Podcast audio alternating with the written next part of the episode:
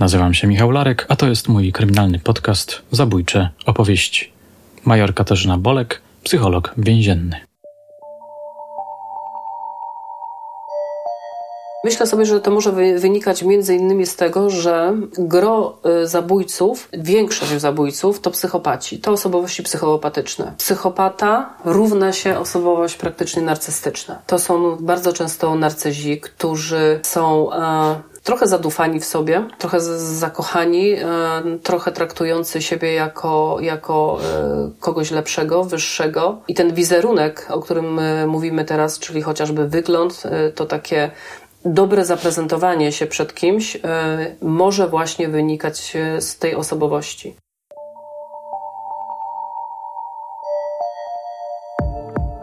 Ten, kto śledzi moje media społecznościowe, szczególnie mój profil na Instagramie, ten wie, że całkiem niedawno odwiedziłem dwa bieszczackie zakłady karne w Łupkowie oraz w Moszczańcu.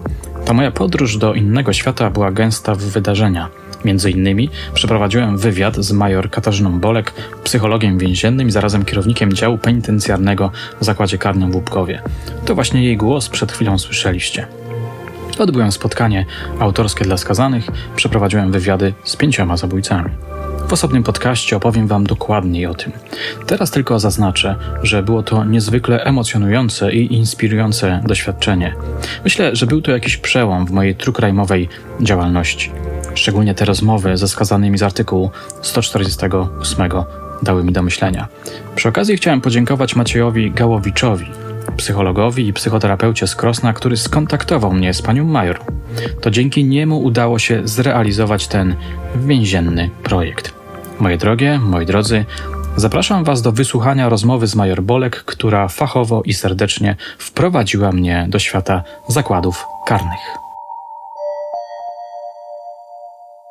Aktualnie pracuję jako y, kierownik działu penitencjarnego i kierownikiem y, tego działu jestem od 2016 roku. Y, to jest jedno, jedna moja funkcja, ta główna, podstawowa. Natomiast ta dodatkowa, którą wykonuję, to jestem też rzecznikiem prasowym zakładu karnego mhm. w Łupkowie. Natomiast wcześniej, od 2009 roku, do 2016 roku pracowałam jako kierownik w oddziale terapeutycznym dla skazanych uzależnionych od alkoholu. A jakie są teraz Twoje obowiązki? Yy, mam, mam, wrażenie, mam wrażenie że, że bardziej jestem teraz e, pracownikiem biurowym, yy, bo ten dział, którego jestem kierownikiem, to jest ten dział, który mówiąc tak kolokwialnie resocjalizuje.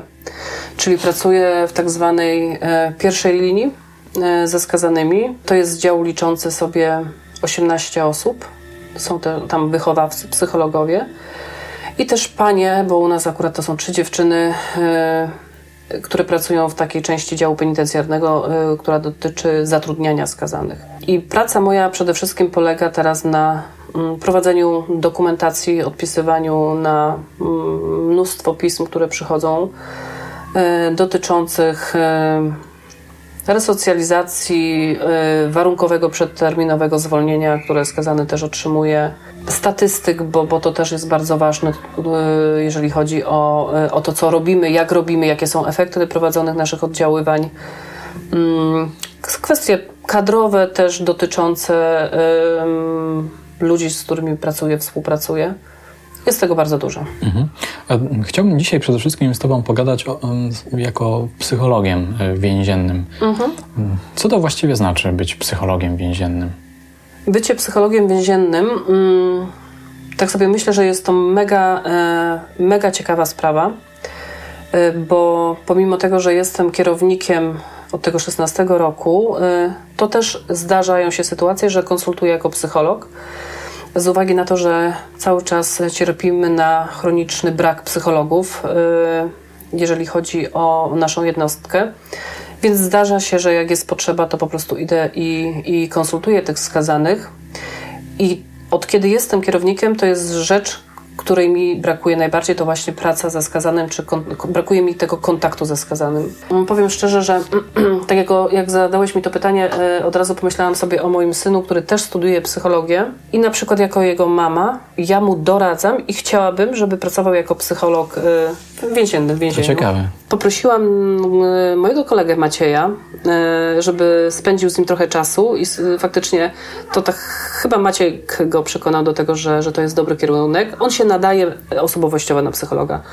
Natomiast to jest praca ciekawa, interesująca, jeżeli chodzi o bycie psychologiem więziennym, rozwojowa, zawsze coś się dzieje i on by, tak sobie myślę, pod względem takim osobowościowym pasował do, do, do, do tej pracy. A czy mogłabyś doprecyzować, co to znaczy, że mm, tego rodzaju robota psychologa, psychologiczna jest e, ciekawa, rozwojowa? Już tak abstrahując od twojego szanownego syna. Jest ciekawa, dlatego że, e, że jest to praca cały czas z, z człowiekiem. Wiadomo, że praca z człowiekiem jest bardzo ciekawa. Jest ciekawa, bo to są osoby zaburzone, więc to też jest ciekawe. To są przestępcy. To jest dodatkowa ciekawość. Nigdy nie wiesz, na kogo trafisz.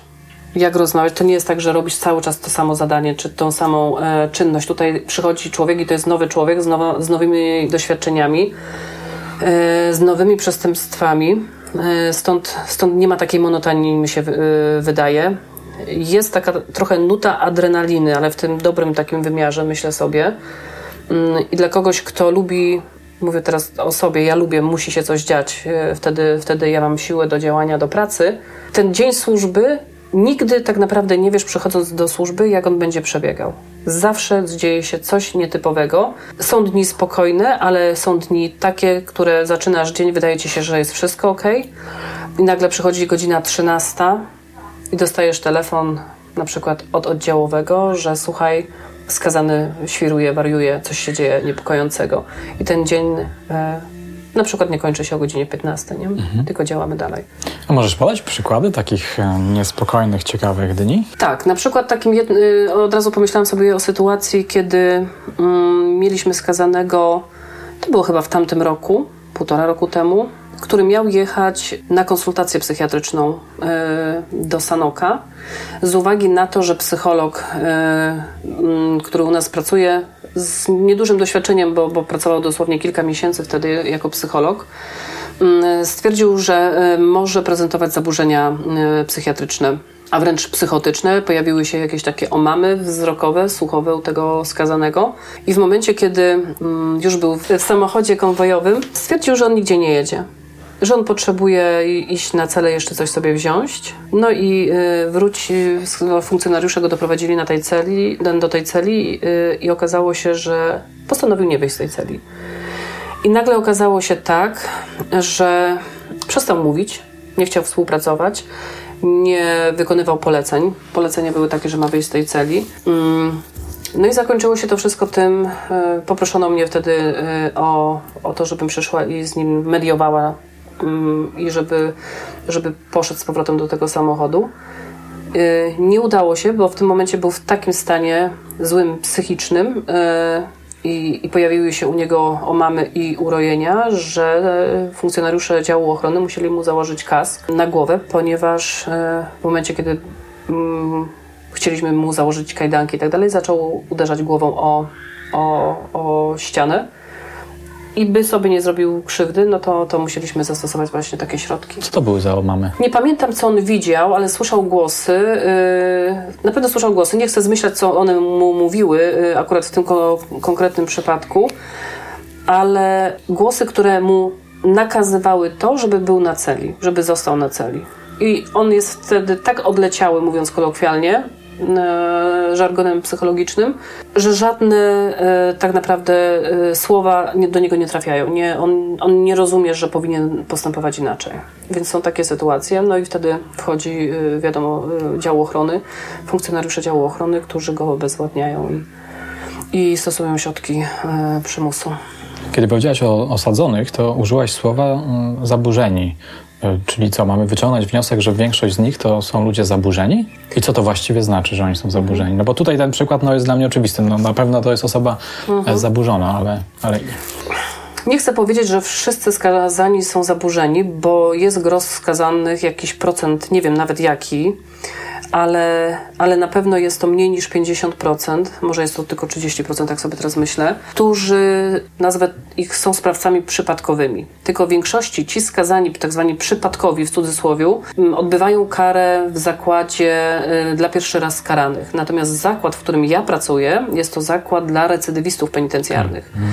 Czyli oni musieli popełnić przestępstwo minimum dwa razy. Jakiekolwiek, różne przestępstwa. Więc w tym momencie, kiedy trafia ktoś już drugi raz do kryminału, podejmuje y, działania, zachowania, które są y, przestępcze y, i które mm, wychodzą poza granice, granice prawa i normy, to znaczy, że coś z tym człowiekiem jest nie, nie, nie okej. Okay. Jest, co, coś musi być z jego osobowością, z jego charakterem, że, że podejmuje takie działania. Dlatego mówiąc, że skazani w większości są zaburzeni, Myślę, że tak. Są to za, najczęściej zaburzenia osobowości. Mhm. I u nas w zakładzie, jeżeli chodzi właśnie o zakład y, dla tych recydywistów penitencjarnych, to mm, zdecydowana większość są to skazani bardziej bądź mniej y, zaburzeni. Są to osoby zaburzone. A możesz opowiedzieć trochę o takich ciekawszych przypadkach y, skazanych, z którymi pracowałaś? Każdy przypadek jest, wydaje mi się, ciekawy, natomiast mam takie doświadczenie, mm, bo przez wiele lat, tak jak mówiłam, pracowałam w oddziale terapeutycznym dla skazanych uzależnionych od alkoholu, gdzie leczyliśmy y, ich z uzależnienia. I faktycznie ten kontakt z tymi skazanymi y, był bliski, w sensie takim te relacje, te rozmowy, one były szczere i autentyczne. Myśmy dużo z nimi rozmawiali, bo, y, bo też na tym polega y, terapia. I zawsze jak y, myślę o, o tych latach, kiedy pracowałam właśnie w tym oddziale, to mam takie przeświadczenie, że jak się mm, wgryzie w historię życia takiego człowieka, y, to ma się wrażenie czasami, że nie dziwi się mu człowiek, że, y, że zboczył na, na tą złą stronę, bo jego życie bardzo często, y, życia tych y, chłopaków, tych skazanych, po prostu były poplątane i zaburzone.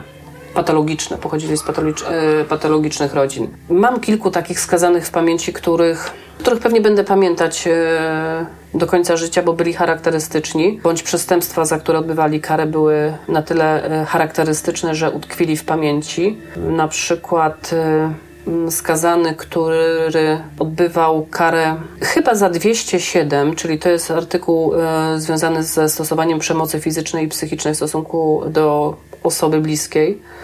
Natomiast e, miał bardzo ciekawą e, opinię e, sądowo-psychiatryczną i z tej opinii sądowo-psychiatrycznej wynikało, że mm, niby nie miał zdiagnozowanych zaburzeń seksualnych, natomiast na bazie tego, tych wywiadów i rozmów w tej opinii były zawarte treści, że ten skazany współżył na przykład z krową, psem i, i z jakimiś przedmiotami takimi jakieś butelki i tak dalej. Natomiast w momencie mm, widzę go jakby przed oczami, a funkcjonował jako bardzo taki y, przeintelektualizowany y, człowiek, mężczyzna.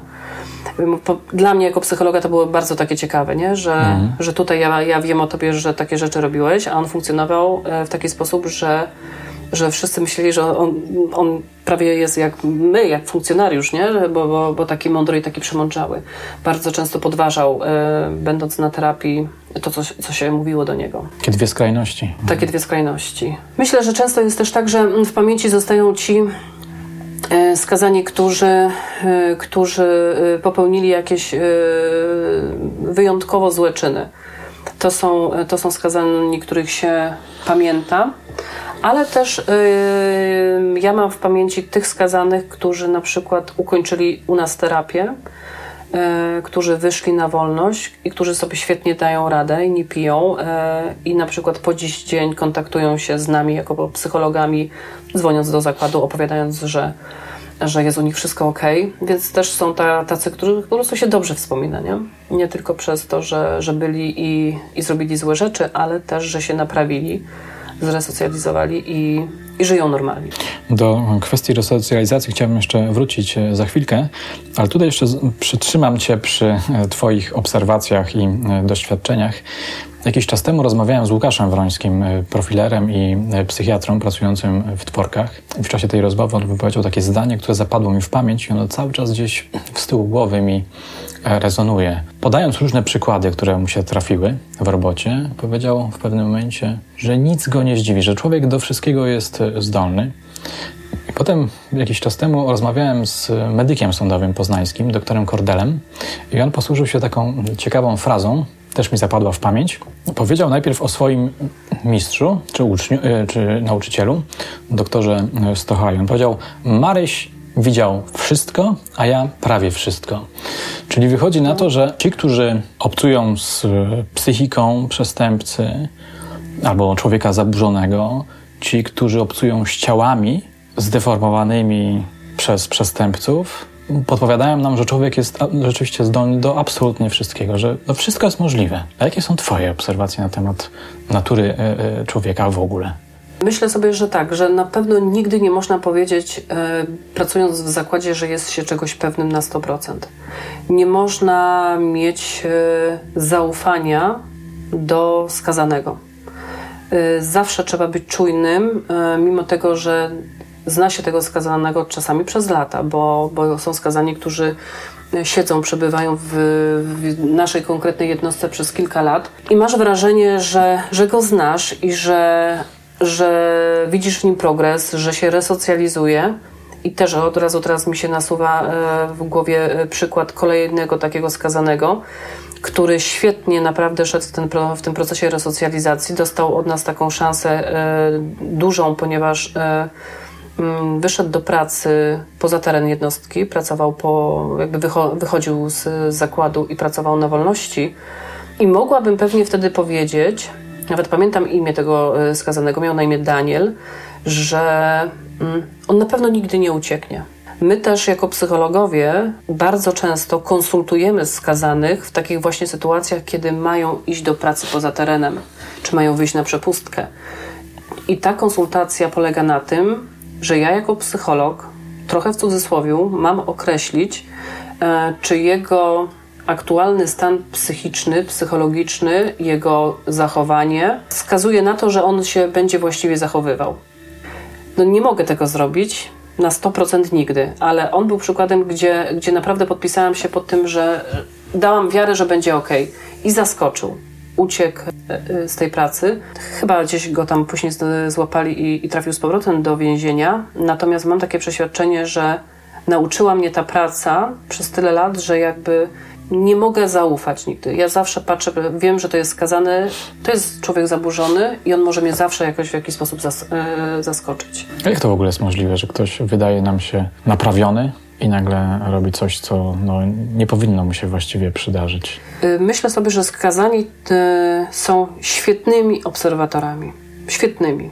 Oni mają tyle czasu i, i, i tak naprawdę bardzo często się nudzą, i obserwują nas, nas funkcjonariuszy, obserwują innych skazanych, obserwują to, co się dzieje i usypiają też często naszą czujność w taki sposób. My, my to wiemy, więc jakby wszystko staramy się być czujni i, i w większości się to udaje, ale oni mm, przez to, że obserwują, widzą jacy jesteśmy, oni wiedzą do jakiego funkcjonariusza jak podejść, jak zagadnąć żeby pozyskać, że tak powiem w cudzysłowie, pewnego rodzaju profity, e, wzbudzić zaufanie.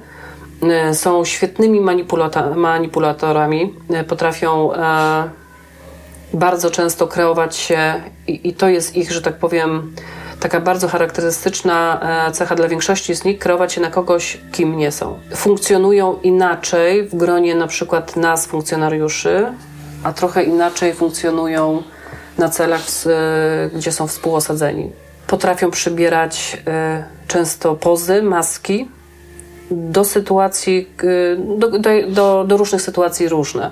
Czyli to, co jemu się opłaca, to, co jest dla niego wyrachowanie dobre, to, to taką pozę, taką maskę y, zakłada. My się też tego uczymy jako, jako y, funkcjonariusze uczestniczymy w szkoleniach, e, prowadzą je też e, psychologowie, żeby właśnie nie dać się zmanipulować ich e, zachowaniom. To, o czym teraz mówię, to jest jedna z pierwszych rzeczy, o której mówię ja jako kierownik, psycholog do młodych ludzi, funkcjonariuszy, którzy przychodzą do służby, żeby nigdy nie tracili czujności, i żeby mieli zawsze z tyłu głowy, że jego płacz, jego wzruszenie, które wcale nie musi być rzeczą, e, która będzie miała jakieś konsekwencje takie, że pozytywne, tylko może on tak naprawdę no, spróbować tutaj e, ugrać e, coś, przedstawiając, się, przedstawiając siebie jako, jako czułego, wrażliwego, a, a zupełnie coś innego mu chodzi po głowie. Czyli skazani są dobrymi psychologami? trochę tak. Mhm. I to jest taki pojedynek psycholog więzienny i skazaniec. Czasami tak, no tak, tak mogę powiedzieć. A miałaś kiedyś takiego kogoś, kto można by nazwać, kogo można by nazwać takim przeciwnikiem właśnie? Spotykacie się, jest jakaś, nie wiem, terapia albo po prostu jakieś standardowe czynności i to się w pewnym momencie przemieniło w jakąś taką grę psychologiczną. Są sytuacje takie, kiedy prowadziłam zajęcia terapeutyczne e, na terapii właśnie. E, skazani e, oporują w różny sposób. Nie przyznają się. Y, są momenty, kiedy ja wiem jako psycholog, na przykład z dokumentacji y, y, tego skazanego, że było to w jego życiu, to i to i to. On na terapii no, na przykład nie przyznaje się do pewnych rzeczy. Potrafi tak perfidnie kłamać przed innymi, zwłaszcza skazanymi, zachowując pozory, zupełnie przedstawiając się w innym świetle, ja jestem, oprócz tego, że psychologiem, to jestem człowiekiem, więc też ten jego opór i to, jak on e, pracował nieraz, e, wzbudza we mnie pewnego rodzaju negatywne emocje. E, I to też nie jest tak naprawdę łatwe, żeby utrzymać w tym momencie emocje. Nie możesz powiedzieć o pewnych rzeczach, ponieważ jakby jest to nieprofesjonalne, żeby powiedzieć mu chłopie, ale przecież ja wiem, bo z wywiadu środowiskowego wynika to i to i to. E, bo też rola psychologa no, w tym momencie jest taka, że tak naprawdę to ty powinnaś go e, tak poprowadzić, żeby on powiedział pewne rzeczy, żeby on zobaczył te pewne rzeczy złe i zmusić go do, re, do refleksji. I zdarzały się takie sytuacje, że, że emocje gdzieś tam jakoś e, mm, wychodziły niepotrzebnie u mnie e, na wierzch i, i, e, i jakąś taką kontrę stawiałam, bo, bo mnie to po prostu irytowało. Są takie momenty. Są też momenty y, trudne. Y, też taka teraz mi się myśl pojawiła, że to, co jest trudne na pewno y, w, w rozmowach ze skazanymi, y, tymi za te najgorsze przestępstwa, to mimo wszystko rozdzielenie emocji od bycia profesjonalnym psychologiem i funkcjonariuszem. Bo jak masz do czynienia z człowiekiem, który też go mam teraz przed oczami, zgwałcił sześcioletnią e, dziewczynkę mm, swojej konkubiny i on tam wymaga od ciebie nie wiadomo czego, w sensie takim, żebyś tu mu pomogła i tak dalej, i tak, to masz ochotę e, czasami nawet nie pomóc.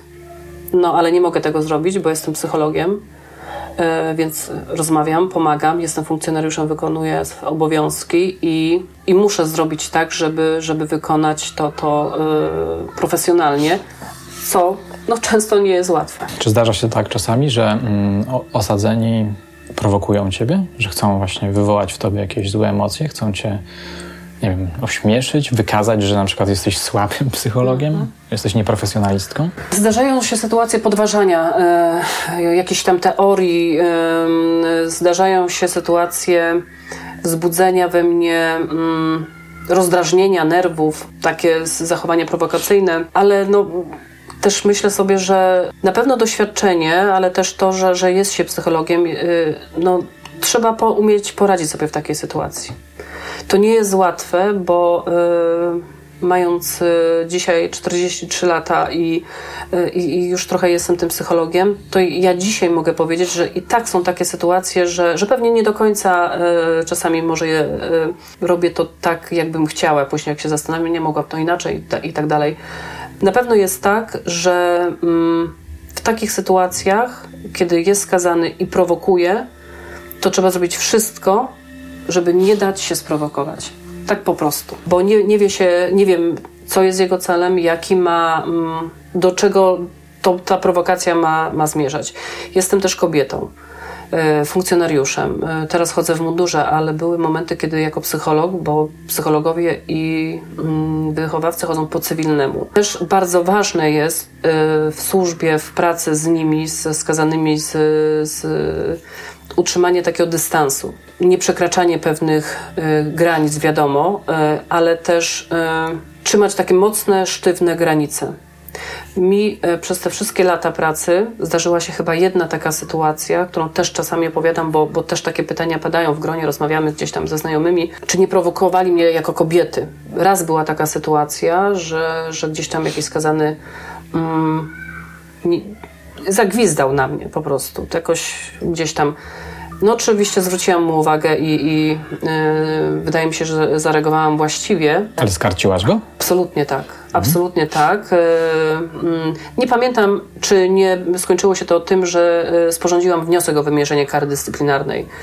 To jest taka e, forma e, kary, którą skazany e, otrzymuje. Nie pamiętam, może, może tak było.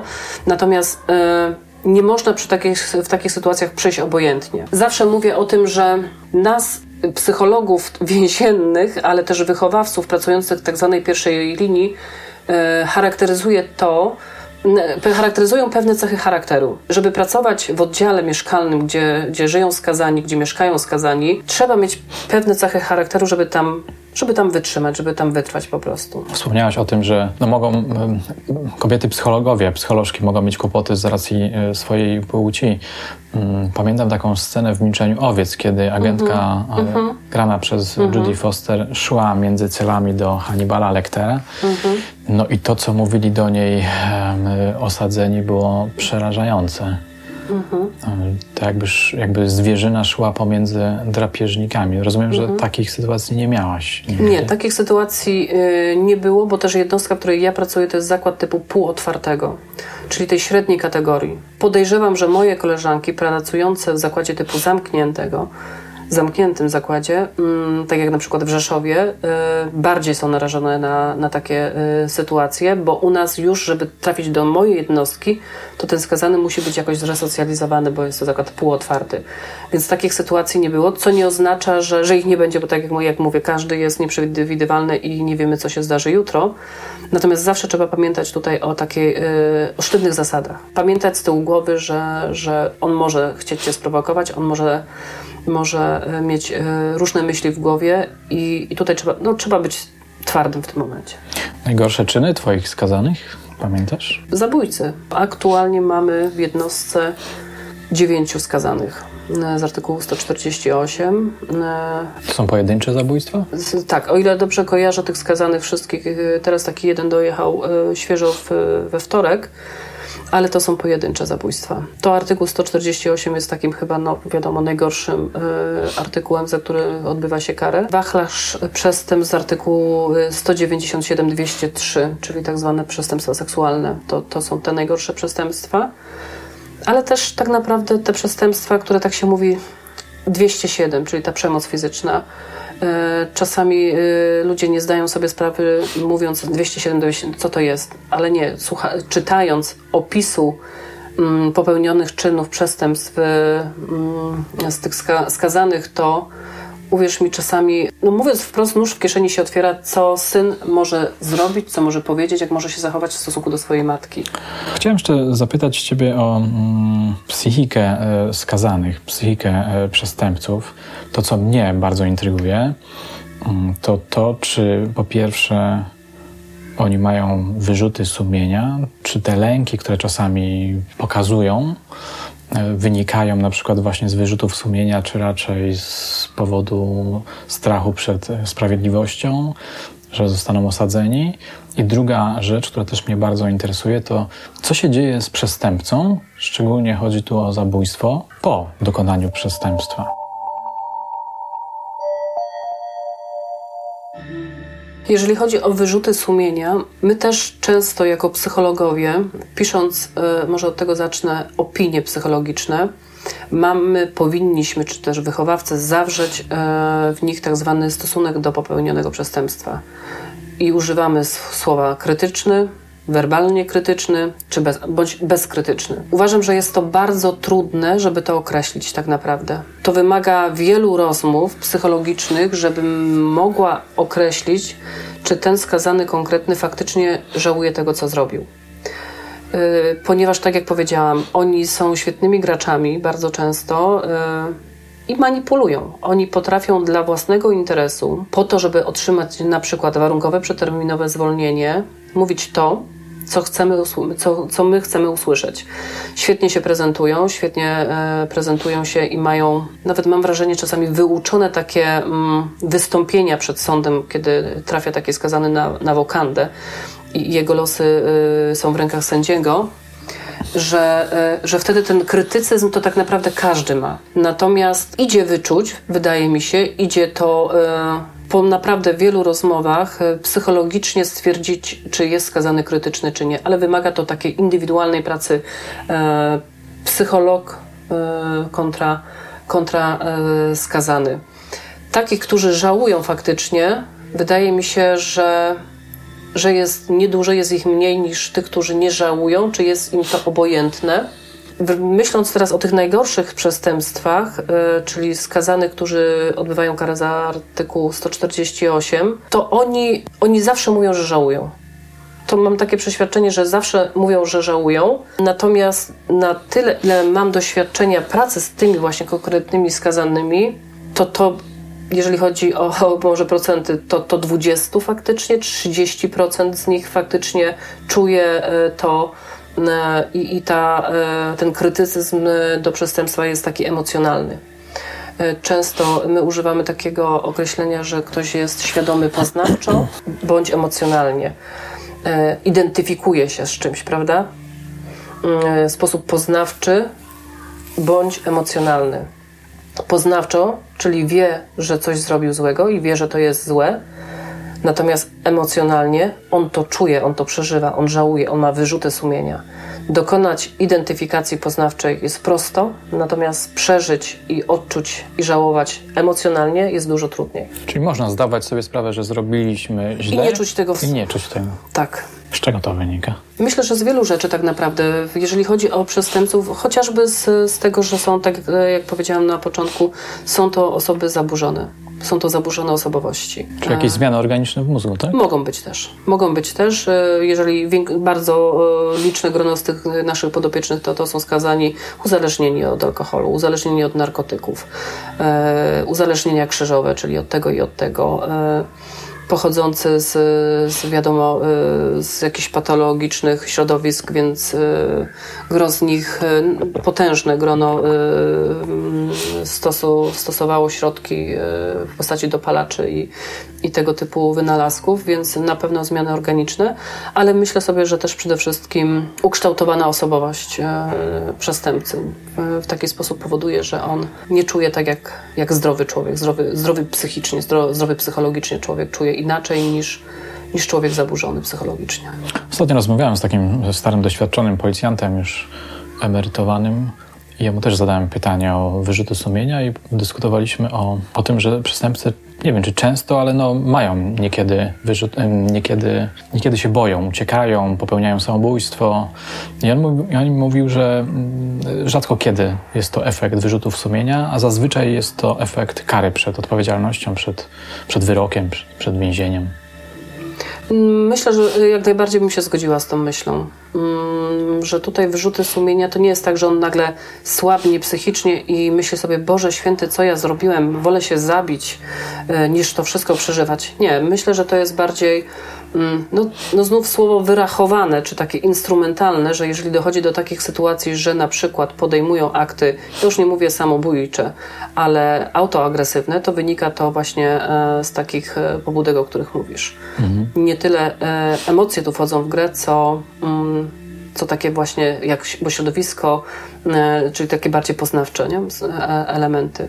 Są, y, powiedziałam o tych y, zachowaniach autoagresywnych y, i, i też, bo też występują w, w zakładach karnych i też w zakładach takich jak mój, czyli półotwartym.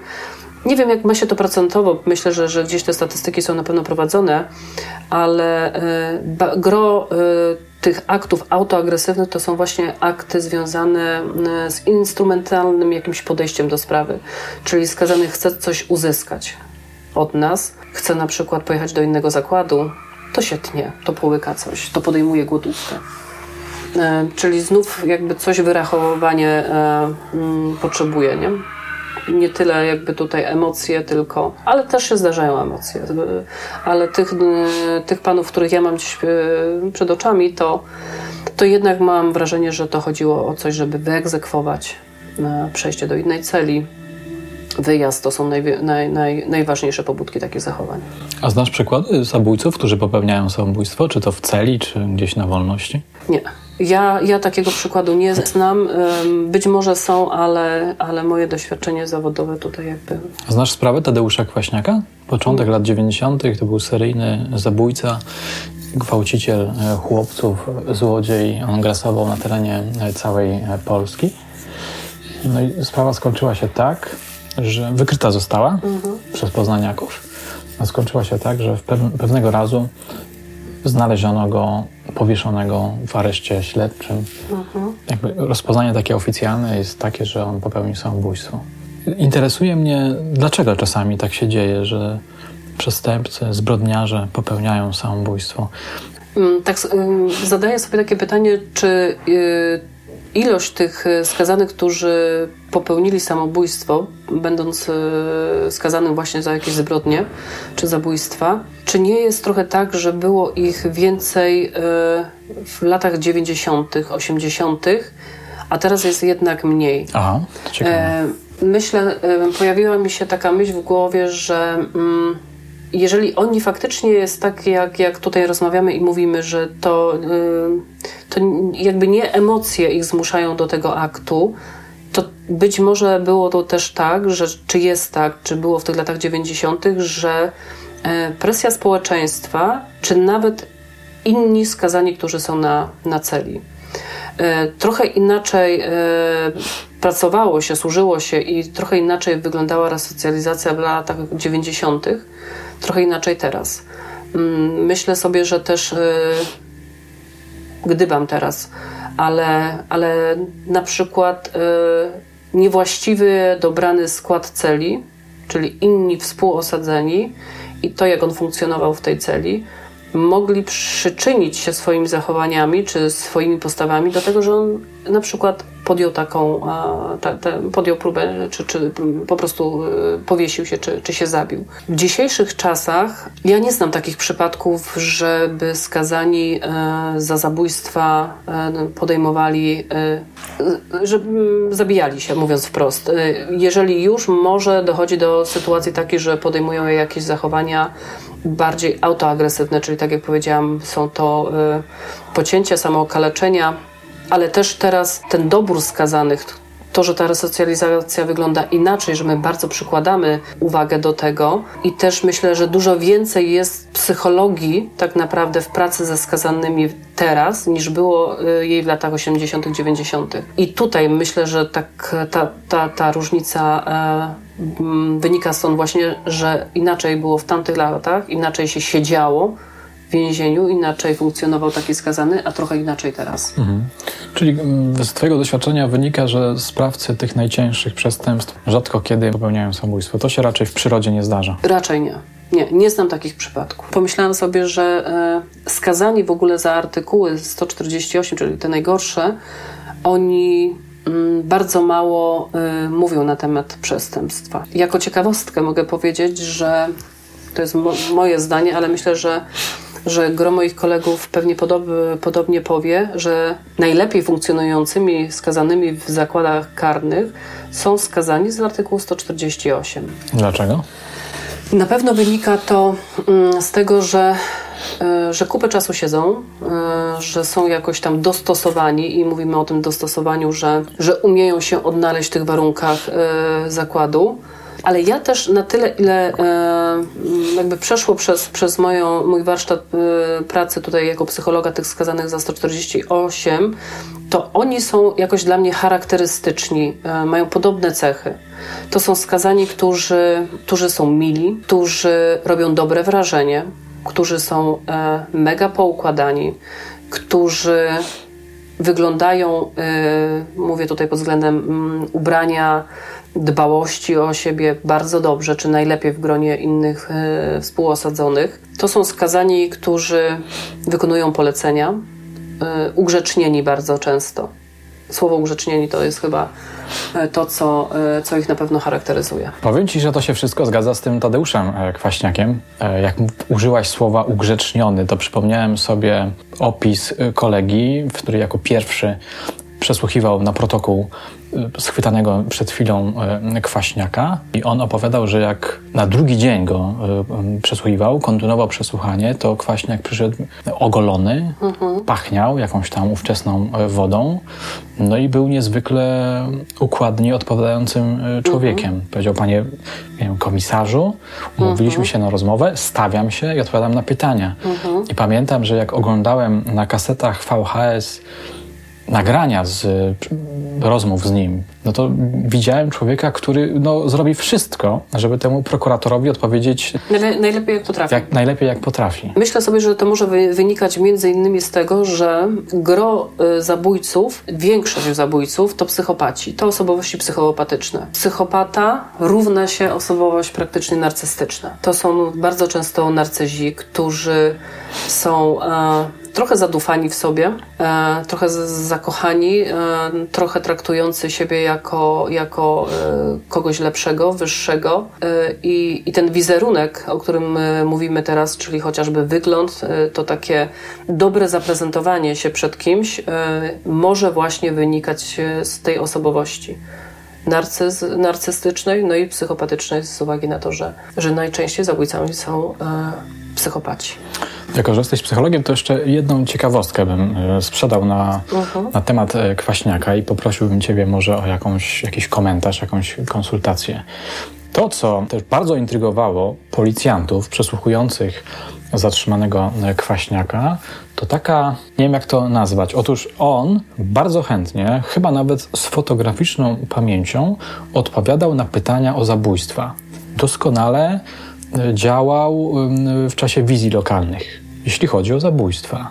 On był homoseksualistą, on był pedofilem, mhm. gwałcił niekiedy tych chłopców. Mhm. Kiedy policjanci albo prokurator w czasie wizji pytali go o czyny homoseksualne, mhm. czyli też czyny pedofilne, to on nigdy nie chciał odpowiadać.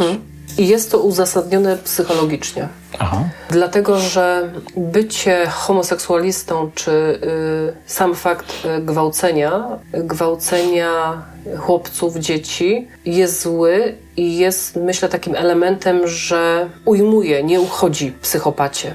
Że to jest y, rzecz, którą moglibyśmy powiedzieć, nazwać słabością psychopaty. Natomiast zabójstwo jest czynem. To jest, e, on podchodzi do tego w taki sposób, że on to zrobił, mm, może nawet jest dumny z tego, teraz zgaduję, ale to jest rzecz, którą może się pochwalić. I e, to, że oni współpracują przy tych wizjach lokalnych, konkretnie, dokładnie pokazując, co robili, może wynikać z tego właśnie to, co powiedziałam przed chwilą, z narcystycznej osobowości, bo mm, może dumni to za duże słowo, ale tą częścią przestępstwa mogą się pochwalić, a tamtą niekoniecznie. Rozumiem. A myślisz, że mm, dzisiaj na przykład przestępcy chętniej, bo to były lata 90., początek lat 90., więc zupełnie inne podejście do homoseksualizmu w społeczeństwie, bo czy dzisiaj no, nie mówię teraz o czynach pedofilnych, bo to jakby zawsze, mhm.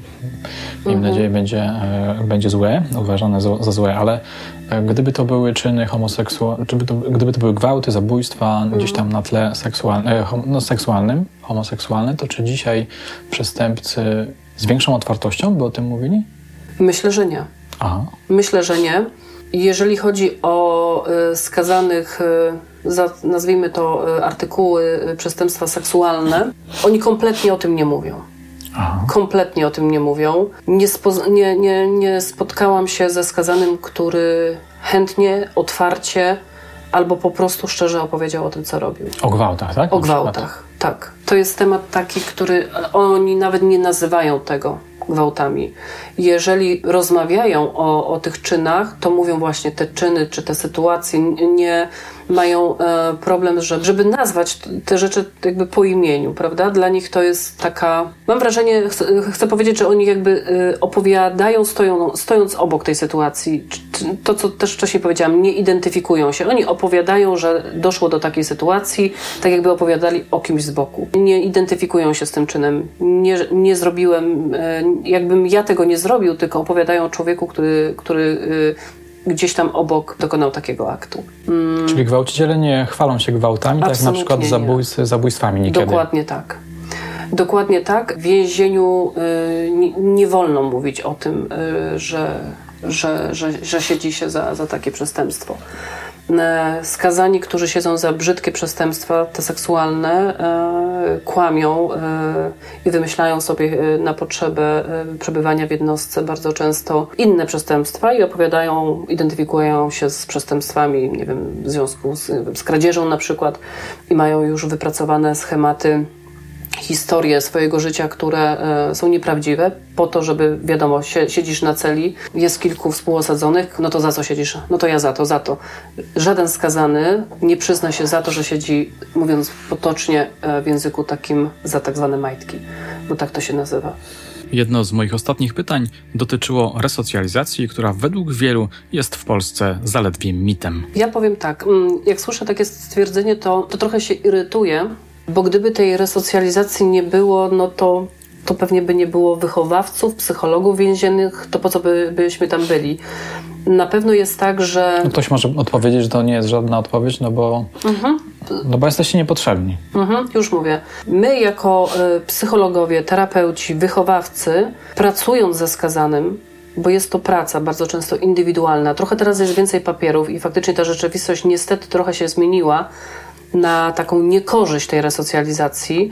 Natomiast z pełną świadomością mogę powiedzieć, że dajemy im skazanym szereg y, różnych umiejętności, różnych praktycznych rzeczy. Pracujemy z nimi y, po to, żeby oni stali się, nazwijmy to, normalnymi ludźmi na wolności, bądź potrafili funkcjonować na wolności. I tu jest kwestia tego, czy taki skazany weźmie sobie od nas na miastkę, część tego może większą, może mniejszą i zacznie e, ją stosować, czy nie. Nie od nas tak naprawdę zależy to, czy ten skazany to weźmie, czy nie weźmie. My robimy wszystko, żeby tak było. Mm. Macie sukcesy? Macie udokumentowane sukcesy? Mamy, jak najbardziej. I to, co powiedziałam o tych skazanych, którzy e, wychodzą, nie piją, e, utrzymują się na wolności, E, kontaktują się, dziękują, wysyłają kartki do, do zakładu, dziękując za, za terapię. Ja, wiadomo, że ta ilość jest mniejsza niż tych, którzy wracają z powrotem, natomiast też mam takie, to chyba tak jak w życiu. My dajemy ile możemy, a to, czy człowiek weźmie, no kurczę, to już od nas nie, nie zależy. Na pewno jest też tak, że że trochę ten proces resocjalizacji zmienia się na przestrzeni lat. Teraz takim e, bardzo ważnym elementem i myślę, że bardzo, bardzo ważnym to jest trochę skupienie się e, na pracy skazanych jako takim podstawowym elemencie e, resocjalizacyjnym. Pokazanie im, nauczenie ich nawyku pracy, to, że mogą wyjść, pracować i pokazanie im takiej normalności trochę, przynosi coraz lepsze efekty. Czasy, że skazany siedział, właśnie mówię lata 90., 80., siedział w tym więzieniu tak naprawdę bardzo często i, i nic nie robił, dawno się skończyły. Właśnie, bo chciałem zapytać Ciebie o to, czy, bo to też jest taki zarzut, często wybrzmiewający, czy miejsce zamknięcia w ogóle pozwala na to, żeby się resocjalizować. No ale chyba jakoś przynajmniej cząstkowo zaczęłaś odpowiadać na to pytanie, mówiąc, że nie ma już takiego totalnego zamknięcia, tak? Nasza jednostka, tak jak powiedziałem, jest półotwarta. Skazani wychodzą do pracy na wolność, pracują na wolności. Skazani, e, są skazani, którzy e, będąc w zakładzie karnym mogą studiować, mogą chodzić do szkół e, na wolności, wychodzą na przepustki. Wiadomo, że ten proces resocjalizacji, on jakoś przebiega w latach. Pierwszy skazany trafia już po areszcie do, najczęściej do zakładu typu zamknięcia zamkniętego swoją postawą, swoim zaangażowaniem właśnie w resocjalizację, czyli to, co mm, daje tak naprawdę z siebie y, jak się zachowuje, wpływa na jego ewentualne awansowanie do zakładu kolejnego, czyli właśnie półotwartego. Jeżeli może funkcjonować i daje taką rękojmię tego jego postawa, zachowanie, że będzie w porządku, to ja śmiało mogę powiedzieć, że ten skazany dobrze idzie w tak zwanym procesie resocjalizacji. Nigdy nie powiem, jestem pewna w 100%, bo są tacy, którzy przyjechali do nas do jednostki, do zakładu typu półotwartego, bo zasłużyli na to, bo super szli e, w tym procesie resocjalizacji i nagle coś się wywaliło, mówiąc brzydko, i musieli być przeklasyfikowani i trafiają, e, jakby z powrotem wracali do zakładu typu zamkniętego. Są też takie przypadki, ale jednak więcej tutaj jest takich, które, którzy, które pokazują, że ten skazany jednak resocjalizuje się, czyli dostaje pewnego rodzaju narzędzia tak naprawdę od nas, y, które wykorzystuje i które przynoszą mu taki efekt, jak, jak to, że może siedzieć y, w zakładzie takim o, o łagodniejszym y, rygorze. Oni są zamknięci, mm, mówię teraz o zakładzie mm, typu zamkniętego, ale to nie jest tak, że ta edukacja czy ta resocjalizacja do nich nie przychodzi. Jeżeli skazany chce się resocjalizować i chce zmienić swoje życie, to daje gwarancję tego, że my tutaj jako, już nie chcę powiedzieć funkcjonariusze, ale jako też psychologowie, e, dajemy szereg e, możliwości, bo prowadzimy dla nich programy, szkolenia resocjalizacyjne, e, zapraszamy ciekawe osoby, które opowiadają o tym, jak zmienić swoje życie, namacalne przykłady, bo, bo, bo są też e, organizowane spotkania z, z byłymi skazanymi, którzy wyszli na wolność i po prostu żyją zgodnie z prawem. I przychodzą panowie, przychodzą anonimowi alkoholicy, którzy też często gro z nich e, przebywało w zakładzie karnym, więc takie, takie świadectwa namacalne e, mamy i tymi świadectwami pokazujemy im, że, że można. Warunek jest taki, czy chcesz. Na koniec chciałem Ci zadać pytanie, które, które jest wywołane wieloma komentarzami pod moimi różnymi materiałami. Jesteś za karą śmierci? Jako człowiek mam mogę odpowiedzieć? Oczywiście. No. Nie jesteś Powiem w tak. zakładzie zamkniętym. Są sytuacje, e, są sytuacje e, kiedy czyny, których się dopuszczają nasi e, podopieczni, skazani, są tak przerażające, że zastanawiam się jako człowiek, dlaczego tej kary śmierci nie ma. A jako funkcjonariusz? Albo ktoś, kto na przykład mógłby odpowiadać za wdrożenie takiej kary, bądź za niewdrożeniem takiej kary? Myślę, że, e, że jest to postulat, nad którymi powinniśmy się zastanowić. Aha. Że, że e, to mówi się, wiadomo, że Bóg daje nam życie i, i, Bóg zabiera i tak dalej. Natomiast myślę teraz o, o, o jednym skazanym są skazani, którzy trafiają e, do tych e, później ośrodków psychiatrycznych takich e, po, po wyjściu na wolność, prawda? Którzy tak naprawdę nigdy... Tak zwane bestie, tak? O nich O właśnie, dokładnie. Chcę o nazwisku, a nie chcę nazwiska powiedzieć, dlatego um, oni tak naprawdę nigdy nie będą wolnymi ludźmi, prawda? Bo zrobili tyle, tyle zła, że, że się w głowie po prostu nie mieści i, i trafiają tam i, i to życie ich tak naprawdę, jakie to życie, nie? I będą zawsze w, w zamknięciu. I tutaj postawię kropkę. Okej, okay. bardzo Ci dziękuję. Dziękuję bardzo. Na początku odcinka mówiłem, że przeprowadziłem wywiady z pięcioma skazanymi za zabójstwo. W ramach zwiastuna podcastu o mojej wizycie w bieszczadzkich zakładach karnych zaprezentuję Wam teraz fragment opowieści jednego ze skazańców. To złodziej recydywista po siedemdziesiątce. Skazany za zabójstwo, do którego cały czas się nie przyznaje. Mówi, że został wrobiony, że winnym jest jego kolega. Posłuchajcie jego opowieści.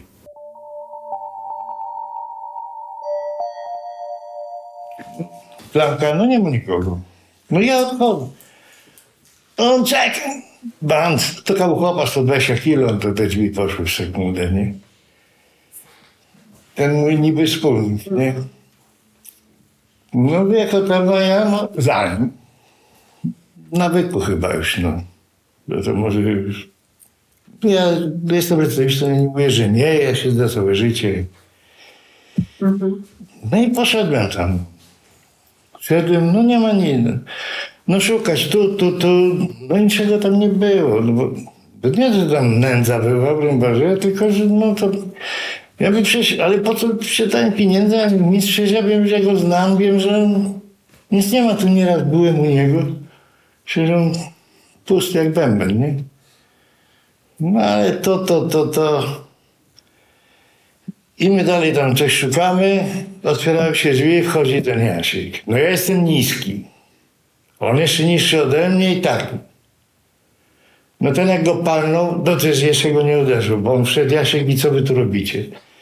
Widziałem, że on się wystraszył, strasznie się ten Jasiek wystraszył, nie?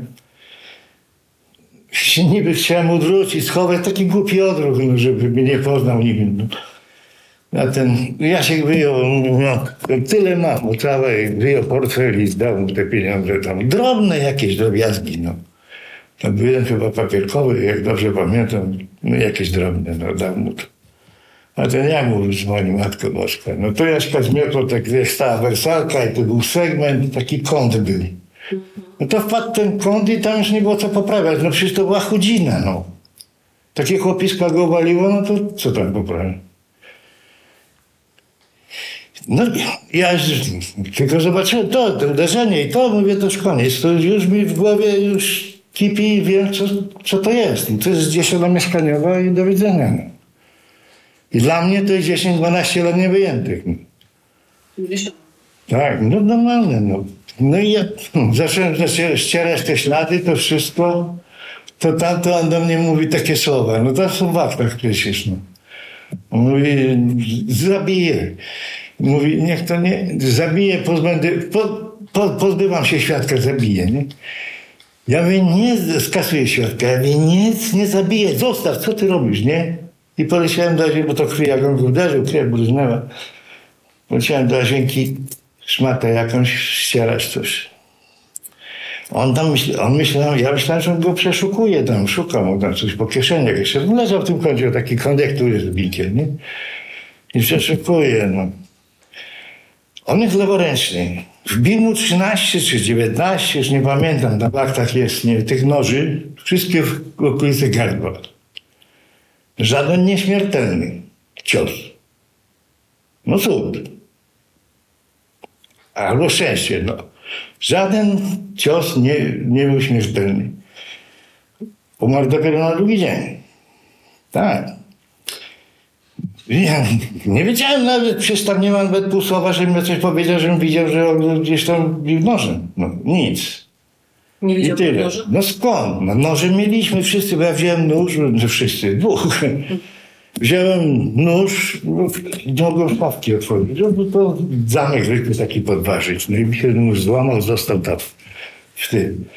A czy on miał nóż? Ja nawet nie wiedziałem, że on miał nóż. Bo to później okazało się, że jeszcze młotek miał. No. Tylko tego nie widziałem, ja sprzątałem, zacierałem niby ślady. No bo policja mnie po 48 godzinach puściła. No bo pełno śladów moich też, no tu, no byłeś, no byłem, jasne, że byłem, nie? Już przecież nieraz tam byłem. No na barku twoje ślady, no a co, nie chodziłem, nie przychodziłem na jakieś dysputy polityczne, tylko się na mnie. No i 48, policja mnie puściła. A jak się okazało później dopiero, ja jeszcze mnie zawijają później za jakieś dwa miesiące, może nie całe dwa miesiące, za co innego, całkowicie. No i siedzę 48 na komendzie. Była niedziela, no wywożą z komendy, bo 40 komu się kończy, 48 wywożą na zakład karny, nie? No akurat było nas trzech, oni tam mieli jakieś dzieciatki, no i ja. Przyjeżdżamy do kryminału, ja chcę wysiadać z nimi, a o, nie stop. I my jedziemy do Przemyśla. Jakiego Przemyśla? Po co? Przestępstwo tu, mówię, ja jestem stąd, po co? Wychroczą. Jest nakaz się zawieźć tam. Przywieźli mnie do Przemyśla w niedzielę, a w poniedziałek rano już mnie ochrona wzywa. Co ja tu robię? Kierownik ochrony, nie w Przemyślu. Co ja tu robię? Po co tu jestem? Ja mówię, no nie mam pojęcia, no mnie się pytacie, mówię, no przecież przywieźli mnie tu, no to jestem, nie? I nikt nie wiedział, o co tu chodzi. Dopiero później, jak pisałem do Strasburga, to miałem akta, miałem pięć dni czasu wglądu akt. Do wszystkich, nie? Jakie tam były. A tam pisze jest jego oświadczenie, że on się boi o własne życie. Bydle wielkie, ponad 1,80 m, ja przy nim taki, on się mnie boi. Ale prokurator to łyknął. No i mnie do Przemyśla odseparować mnie i siedziałem 16 miesięcy tam w Przemyślu, dopóki nie skończyły te wszystkie no, śledztwem, śledztwem. No, na zawęże, no sprawa, no i to, to tak, i tak na sprawie to wszystko. On tak kogo innego, że z kim innym mnie widział, że to, to z kim innym ja to zrobiłem. To wszystko to jest opisane przecież, nie? No jeszcze taka dziewczyna, tylko że no trochę była szurnięta, nie? Przyszła do tego Jaśka, dlaczego, bo on wie, że nie zginął od razu, tylko później, zresztą to też jest tak. Ona przyszła do niego rano drugi dzień. No trochę była, no, piła, ale trochę miała z głową nie tak. I weszła, takie jej zeznania, no weszła, zobaczyła, że myślała, że nie ma nikogo, w kuchni popatrzyła, w pokoju,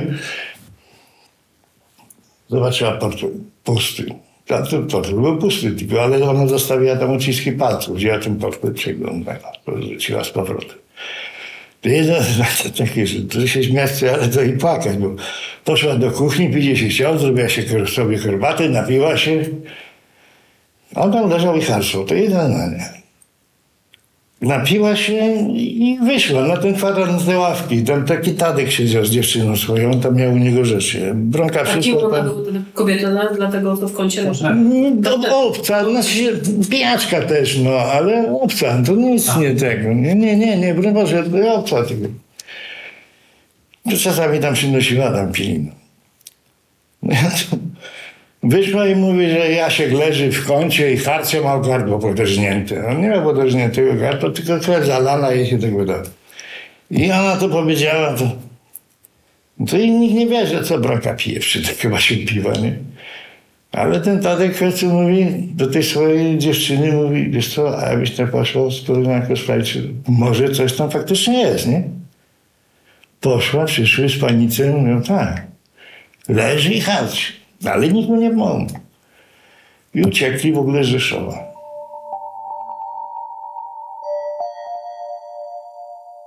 Ciekawa opowieść, prawda? Miałem wrażenie, że słucham jednego z bohaterów opowiadań Marka Nowakowskiego, który przed laty znakomicie opisał więzienny półświatek. Moje drogie, moi drodzy, na dzisiaj to wszystko. Mam nadzieję, że ten materiał zaintrygował Was i rozbudził apetyt na więcej.